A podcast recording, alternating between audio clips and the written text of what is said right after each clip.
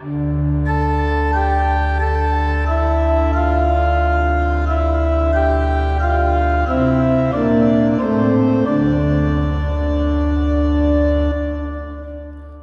välkommen ska du vara till Predikoverkstan, en podcast från församlingsfakulteten i Göteborg.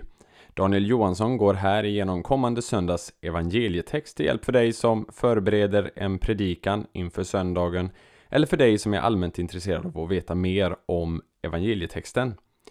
På vår hemsida www.ffg.se kan du hitta genomgångar för alla tre årgångar i evangelieboken.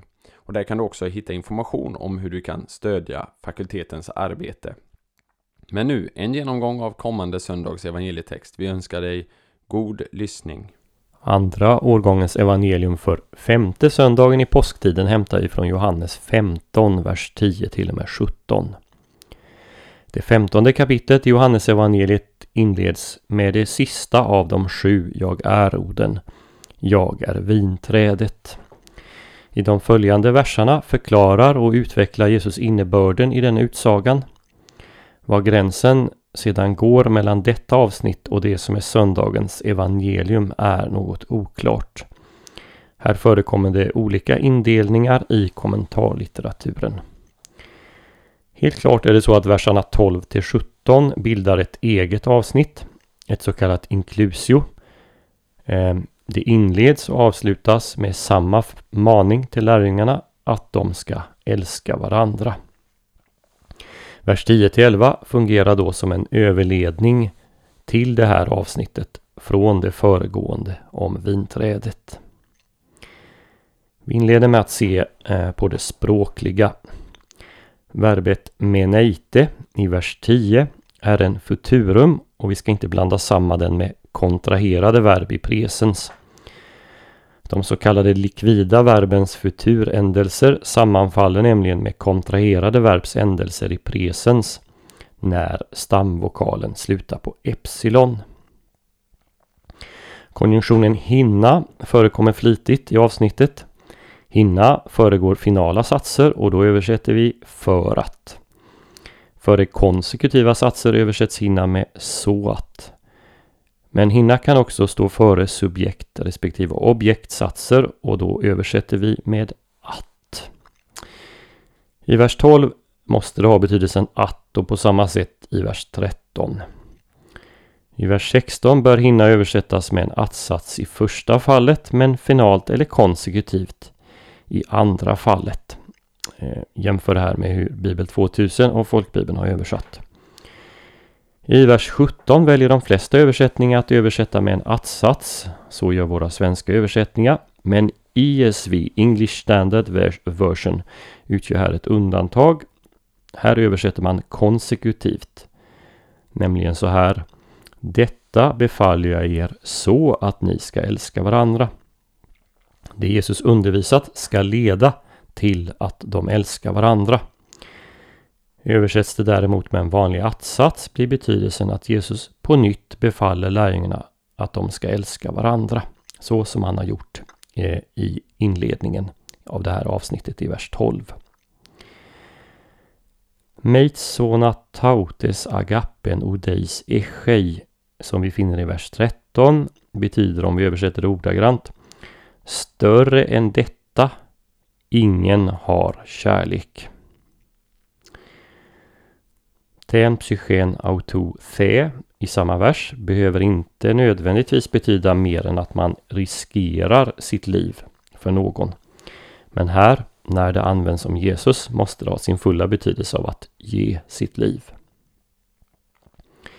I vers 13 möter, eh, förlåt, vers 15 möter vi frasen Hymas de eireka filos Verbet står i perfekt. Jag har sagt eller jag har kallat er vänner.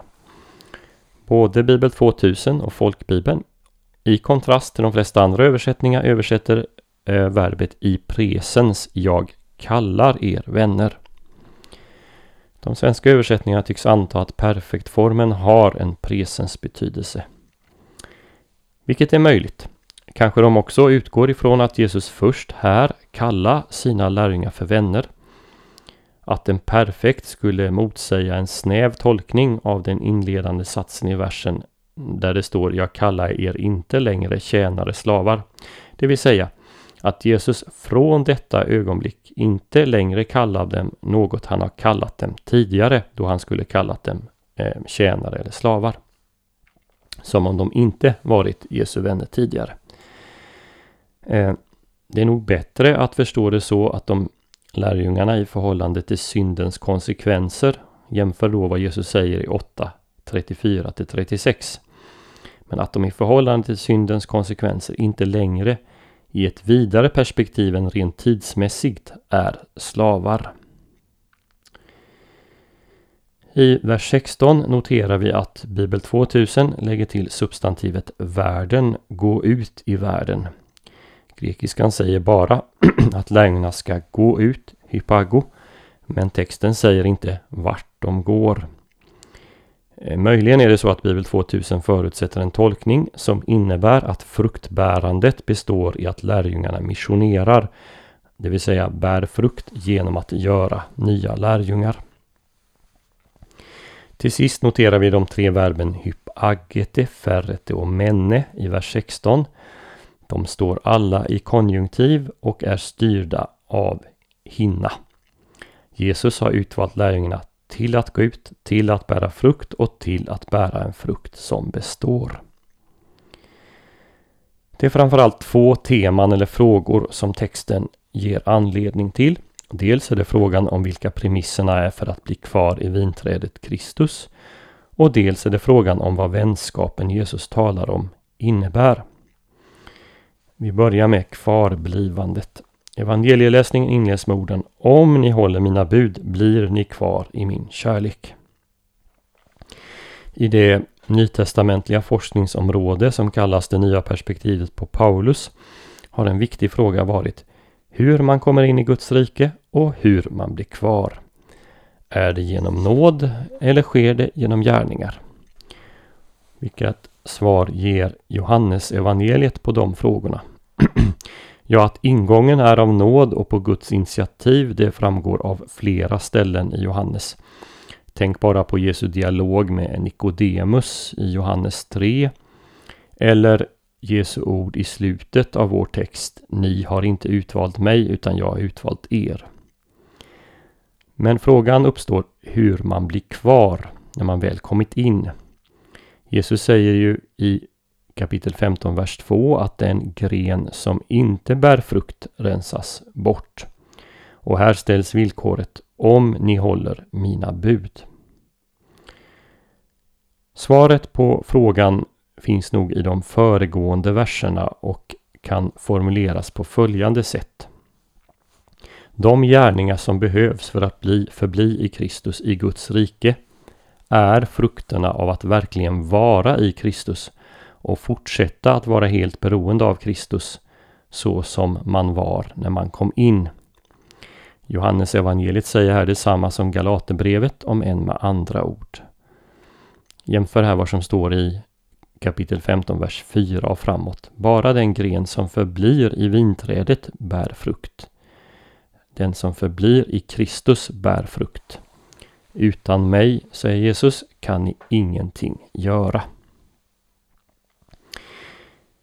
I verserna 12 till 17 ligger sedan fokuset på kärlek och på vänskap. Notera följande saker. Jesus uppmanar sina lärjungar att älska varandra så som han har älskat dem. Den största kärleken är den när man ger sitt liv för sina vänner. Vännen kontrasteras med slaven eller tjänaren. Vänskapen kopplas till Jesu uppenbarelse av Guds ord. Och vänskapen med Jesus innebär att Fadern ska höra lärjungarnas böner. Jesu fader ska höra lärjungarnas böner. Vad menade då Jesus med, med vänskapen? Hur förstod man vänskap på Jesu tid? Ja, vi kan inledningsvis eh, konstatera att det är framförallt två personer i Gamla Testamentet som beskrivs som Guds vänner. Det är Abraham, vilket framgår av Andra krönikeboken 27 och Jesaja 41.8. Och det är Moses, Andra Mosebok 33.11. Vänskap var ett ämne som diskuterades flitigt i antiken och man kan här notera en viss skillnad i den grekiska respektive romerska förståelsen av vad vänskap var och innebar. Primärt i den romerska förståelsen var allians, samarbete, avtal om att man inte skulle begå aggressioner mot varandra. Det kunde också innebära att man var beroende av en gynnare av en mecenat. Även om affektion inte saknas i den romerska förståelsen så är den mer primär i den grekiska. I den romerska förståelsen behövde inte heller vänskap innebära jämställdhet. Det var däremot något väsentligt i den grekiska förståelsen. Om man ska sammanfatta de antika idealen så innebär vänskap för det första att man var lojal mot varandra, ibland ända till döden. För det andra att man hade förtroende att dela sina hemligheter. Man höll inte något hemligt för en vän och av vännen förväntades sedan att man behöll det man visste för sig själv. Eh, och för det tredje att man delade med sig till sin vän av det som tillhörde en själv. När Jesus talar om vänskap i kontrast till tjänst eller slaveri är det nog i första hand aspekter som lojalitet, intimitet och att dela med sig som avses. Som hans vänner är lärjungarna också föremål för hans uppoffrande kärlek. Och ur denna förbehållslösa kärlek ska också lärjungarnas inbördes vänskap flöda.